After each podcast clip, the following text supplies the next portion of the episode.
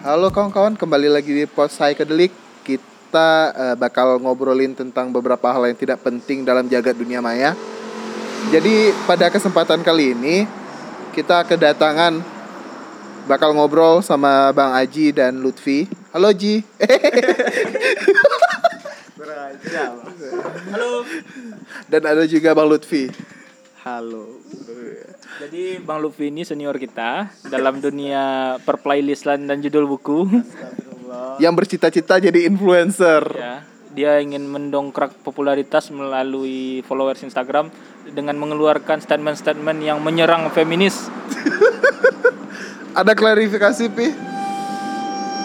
Nggak ada. Memang influencer seperti itu ya. Eh, kalau kita lihat Luffy memang tujuannya adalah viral. Jadi apa pun dilakukan asal viral. Asal viral, seperti beberapa influencer terbaik Indonesia. Ya, seperti Oh, ada Atta Halilintar, Ardito Pramono. Ardito itu penyanyi atau influencer sih? Oh, dia bilangnya saya ingin menginfluence orang dengan musik saya. Emang in- tukang burger Anak pang anak bang tukang burger eh, Gofar Hilman. apa? Omnibus Lawless. Bu- Bikin kaos tuh keren mungkin nak Omnibus Lawless. Biar biar apa kan? Biar kayak anak pang kapitalis. Astaga, itu harus ikat kok anak pang kapitalis. eh, tapi itu Ya, tapi Gofar itu memberikan klarifikasi sebenarnya soal pang kapitalis itu.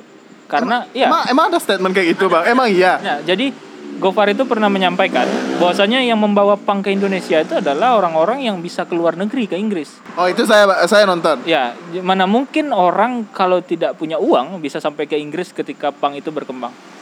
Tapi eh, sah tidak menjadi seorang influence yang menggunakan pang untuk mendompleng uang? Ya, kalau ya sebenarnya tidak ada persoalan sih, karena itu kan bicara soal pasar dan eh, eh, kepentingan saja. Tapi kan ideologi pang ini kan eh, gimana pi? no comment Setahu saya nih bang, pang itu kan yang menolak kemapanan, lalu kemudian juga bekerja kolektif dan yang lainnya gitu. Apakah boleh mencari uang untuk diri sendiri dengan menggunakan embel pang? Eh, nah pertanyaannya sekarang kultur mana yang tidak dikapitalisir? Mungkin yang tidak dikapitalisir itu cuma suku Baduy. Itu pun berusaha oleh pemerintah di, dijadikan Objek wisata. destinasi strategis. Nah, maksudnya eh, apa pun kemudian identitasnya hari ini eh, dalam bicara kultur ataupun subkultur ya pasti ada kemudian orang-orang yang berusaha untuk mengkapitalisasi eh, pasar itu gitu. Ya, terlepas kemudian nilainya karena saya juga tidak tahu sejarah pang itu seperti apa. Tapi orang-orang yang menolak kemapanan kan sebenarnya tidak semua orang susah juga. Ada juga orang yang kemudian berasal dari orang-orang yang berkecukupan lalu kemudian dia tidak senang dengan gaya hidup itu lalu kemudian beralih menjadi orang-orang yang menolak eh, kemapanan itu. Tapi nggak bisa dipungkiri juga ya bagaimana pengaruh dari orang-orang itu yang akhirnya memunculkan apa ya eh, konsep memperkenalkan nih memperkenalkan konsep pang kepada orang-orang yang nggak tahu sebelumnya yang anggap cuma anak pang ini yang mereka tahu bahwa ada ideologi yang diperjuangkan dalam gerakan mereka mungkin seperti itu ya bang ya pengaruh atau influence itu Ya, influence-nya memang seperti itu. Kalau kemudian kita bicara nilai positifnya, kita bisa melihat bu- sebenarnya bukan menolak kemapanan sih, tapi sebenarnya orang itu hanya ingin membawa ketimpangan itu kepada eh, kesetaraan aja sih sebenarnya. Meskipun bukan ya tidak setara-setara betul, tapi setidaknya tidak ada eh, jurang pemisah antara yang cukup lebar antara orang yang mapan dengan orang yang eh, kesusahan. Tapi kemudian saya kalau sepengetahuan saya bukan menolak kemapanan, tapi dia melihat ketimpangan itu sebagai sebuah ketidakadilan saja. jadi sama juga dengan gerakan-gerakan sosial lain-lainnya rata-rata ya bang Cuman dia masuk di ruang seni, gitu. enggak lah seperti itu.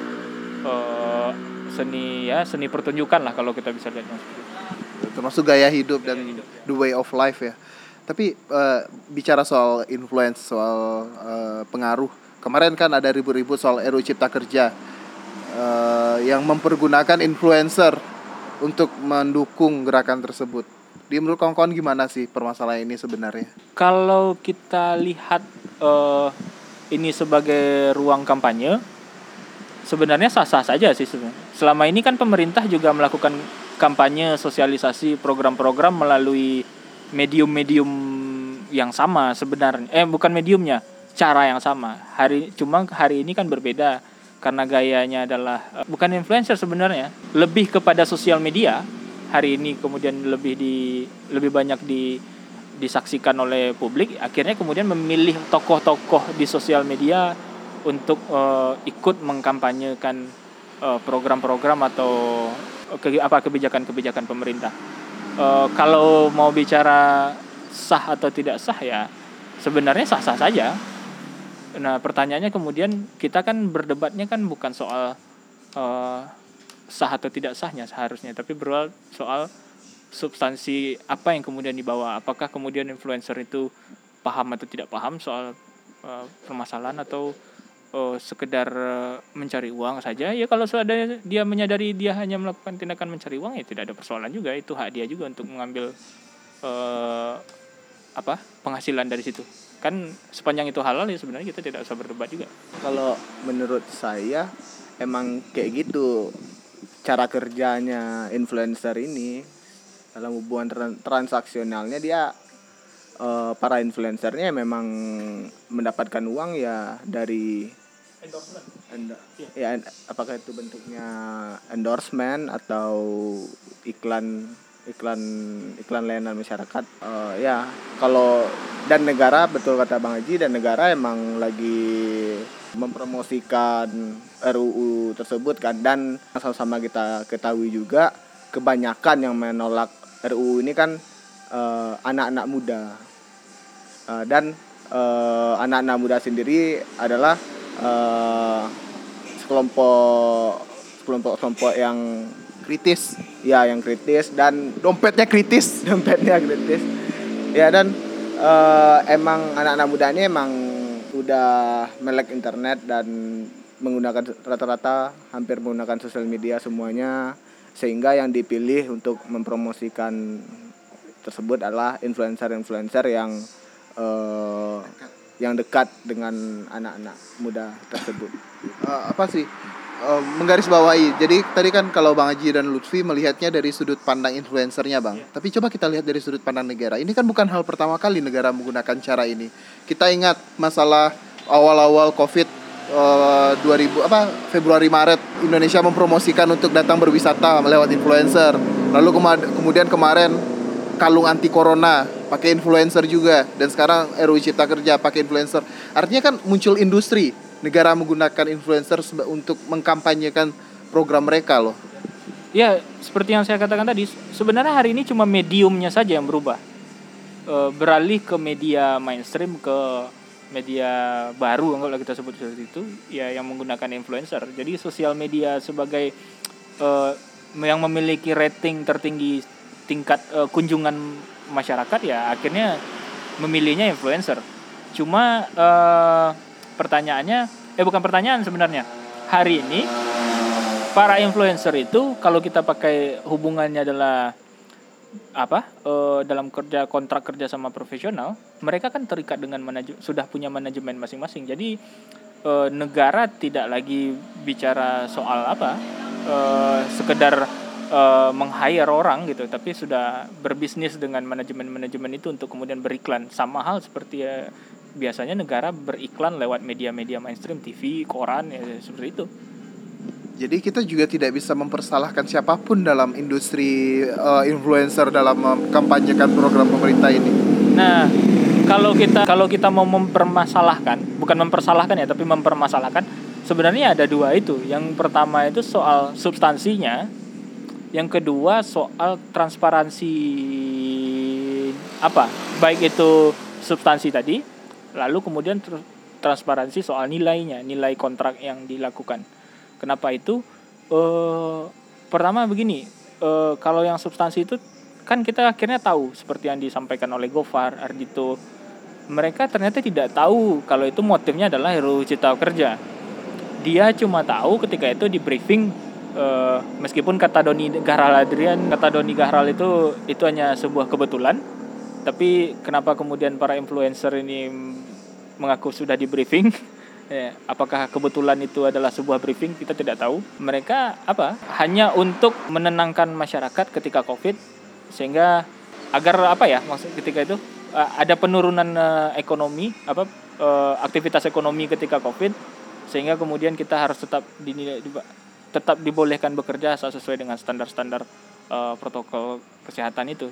Nah, ke sininya baru kemudian tahu bahwasanya eh, ada motif di balik itu yaitu RUU Cipta Kerja yang mereka tidak ketahui bahwasanya itu tidak disampaikan dan eh, beberapa influencer lain yang mungkin bukan influencer plat merah kemudian kayak Kemal Falevi eh, Reza Arab itu kemudian mereka kan melahirkan statement eh, setelah saya baca RUU Cipta Kerja ternyata ini memang bermasalah dan layak untuk ditolak itu. Tapi keterbukaan itu sebenarnya yang menjadi persoalan ada persoalan kedua tadi, bahwasanya transparansi itu lalu kemudian di soal nilainya kan kita lucu juga. Tadi ICW rilis data ternyata negara sudah menghabiskan 90 miliar hanya untuk meng-hire influencer. Nah, saya tidak tahu apakah itu hanya khusus untuk eh, RUU Cipta Kerja atau kemudian tindakan yang serangkai dari awal-awal itu sampai sekarang. Dan sebenarnya kayak pariwisata kemarin kan sampai eh, beritanya 80 m yang dikeluarkan. Lalu kemudian seharusnya itu bisa digunakan untuk hal yang lebih produktif, akhirnya digunakan untuk kampanye-kampanye yang sebenarnya kontraproduktif menurut saya. Covid tapi mengkampanyekan pariwisata gitu. Menurut Abang nih apalagi sih yang menjadi masalah dalam per industri influencer yang digunakan oleh negara hari ini? Ini persoalannya ada di negara ya, bukan di influencer ya. Menurut saya sih masalahnya ada di negara karena influencer ini kita sebut saja kayak televisi di eh, masa lalu cuma media. Ya sebenarnya saya ingin mengkritisi dua hal itu juga sebenarnya. Di negara sebenarnya ada satu yang paling penting. Semestinya tindakan seperti itu bukan kemudian untuk mempengaruhi opini, tapi untuk menampung aspirasi sebanyak-banyaknya sehingga kemudian memperkaya dan mencarikan solusi terhadap persoalan yang kini jadi perdebatan gitu. Nah, kalau menggunakan jasa influencer seperti sekarang, kita analisisnya konten ya, itu lebih kemudian memaksa orang kemudian menerima secara tanda kutip diam-diam itu memaksa orang untuk menerima apa yang sedang diupayakan. Karena kan tidak menjabarkan persoalan, cuma menjabarkan Indonesia butuh kerja. Pertanyaan itu kan sebenarnya jadi perdebatan juga, kayak orang mengkritik survei uh, Saiful Mujani Research Center itu. Apakah masyarakat setuju dengan investasi yang memberikan lapangan kerja? Anggaplah seperti itu pertanyaannya. Iya.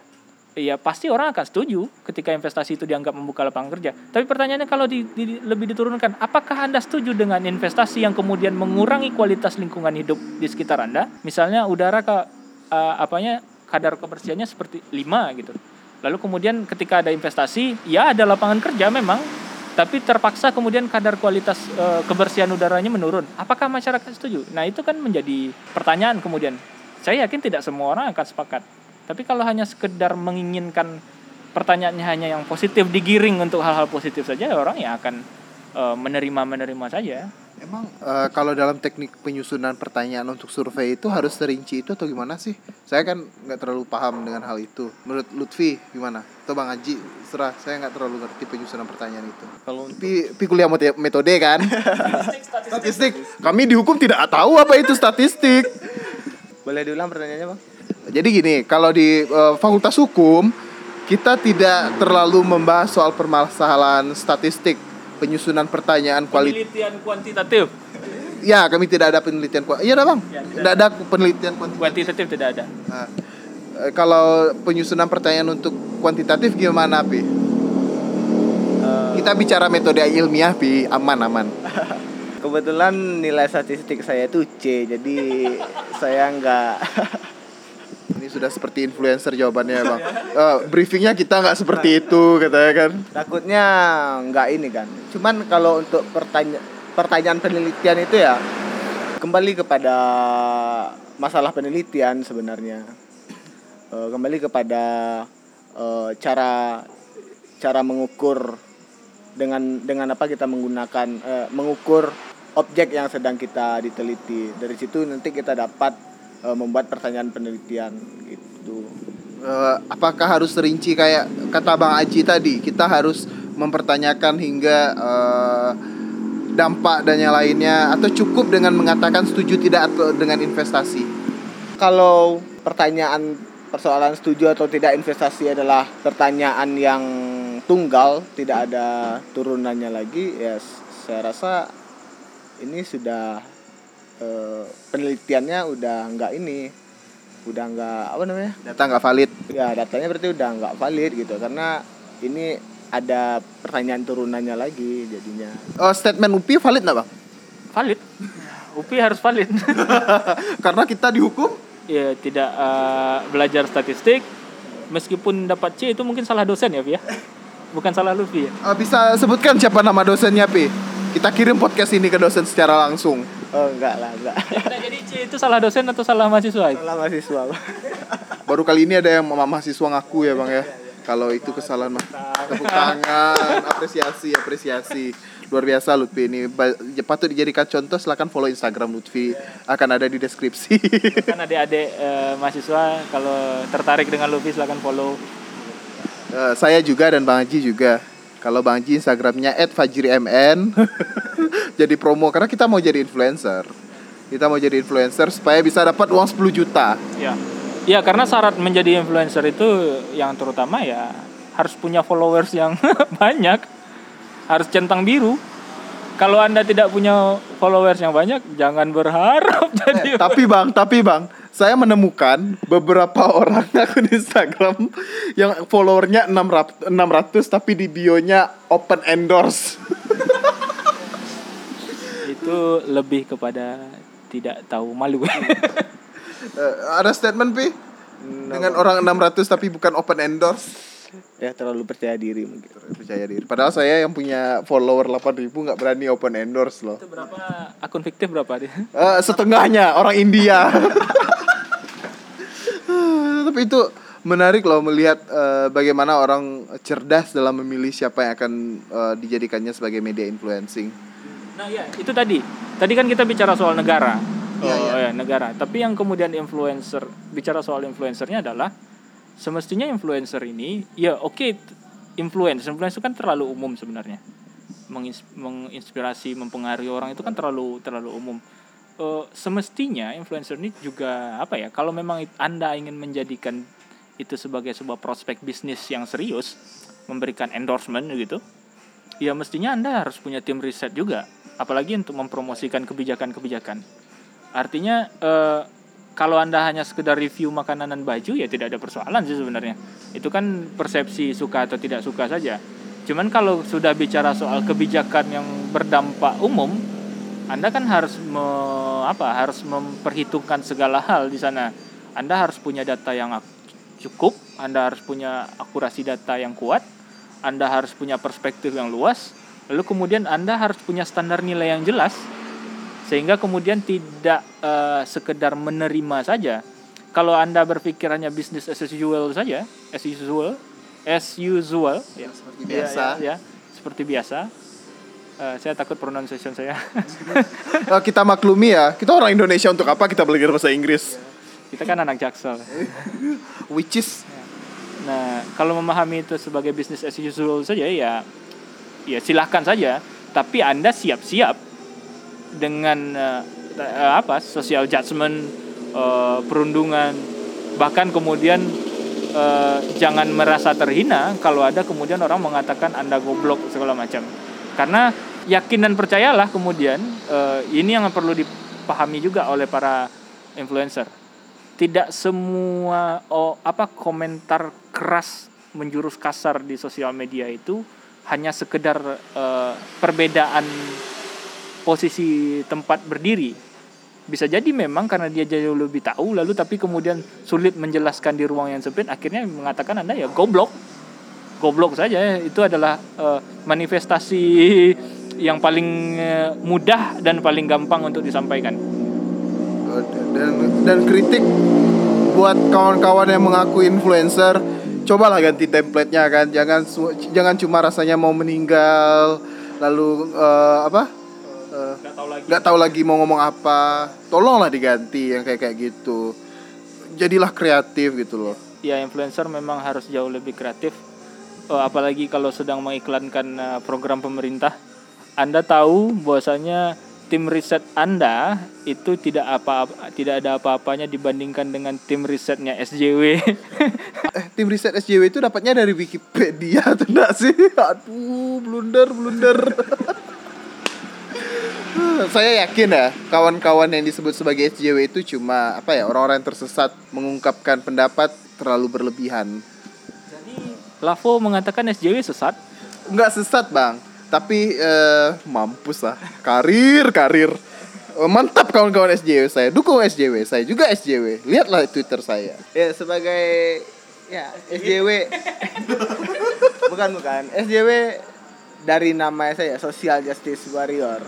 Adalah orang-orang yang dibutuhkan. Ya contohnya mereka bisa eh, membongkar kasus endorsement influencer oleh negara. Oh iya iya. Itu kan dari SJW juga kan? SJW juga itu. Apakah SJW butuh diberikan eh, bintang tanda jasa seperti Fahri Hamzah dan Fadlizon Kalau SJW kariris mungkin. Hari ini mungkin kayak SJW SJW yang sudah merapat ke dalam pagar Medan Merdeka. Ya mungkin ya. Tapi kalau SJW yang konsisten ya mungkin mereka tidak menginginkan hal itu. jadi eh, dua orang ini SJW apa bang? Yang mana? Yang dapat kemarin apa peng apa eh saja Fadlizon dan Fahri Hamzah gitu. Iya sebut saja dua orang itu Soalnya kan banyak juga kritikan Masa cuma kayak gitu doang dikasih penghargaan Eh, saya tidak membaca eh, penghargaan yang dia berikan dalam kategori apa ya. Tapi kalau kita bicara dia mantan pejabat negara ya sah-sah saja sih sebenarnya. Kan dia sudah jadi pimpinan lembaga negara meskipun wakil pimpinan ya lembaga negara selama lima tahun. Eh, tapi kalau mau berdebat soal apa yang dia kerjakan bisa panjang lagi gitu. Tapi dengan waktu yang sudah dia berikan selama lima tahun sebagai pimpinan ya kalau yang jadi kriteria penilaiannya itu ya sah-sah saja sih. Dan apa juga sih eh Kalau misalnya kita cuma melihat mereka eh, mengkritik tapi nggak jelas dan dikritik sebenarnya ada beberapa hal yang butuh diapresiasi juga Ya. Sebenarnya masih untung eh, meskipun kadang kritik mereka tidak ada apa-apanya secara isi. Tapi masih untung mereka mau bersuara. Bayangkan kalau semua hari ini politisi dan partai merapat di Medan Merdeka. sesak di sana bang Apa di sana bang sebenarnya bang? Kok apakah salah kita merapat ke sana? Ya enggak juga. Ada yang setiap hari Kamis merapat tapi cuma sampai pagar tapi ya Oh, iya ya di bawah payung hitam udah berapa tahun Berapa? lebih dari 500 minggu. Ya, tapi itu apresiasi lah buat kawan-kawan itu. Buat oh, semangat baik yang terus menyuarakan hal-hal baik. Iya.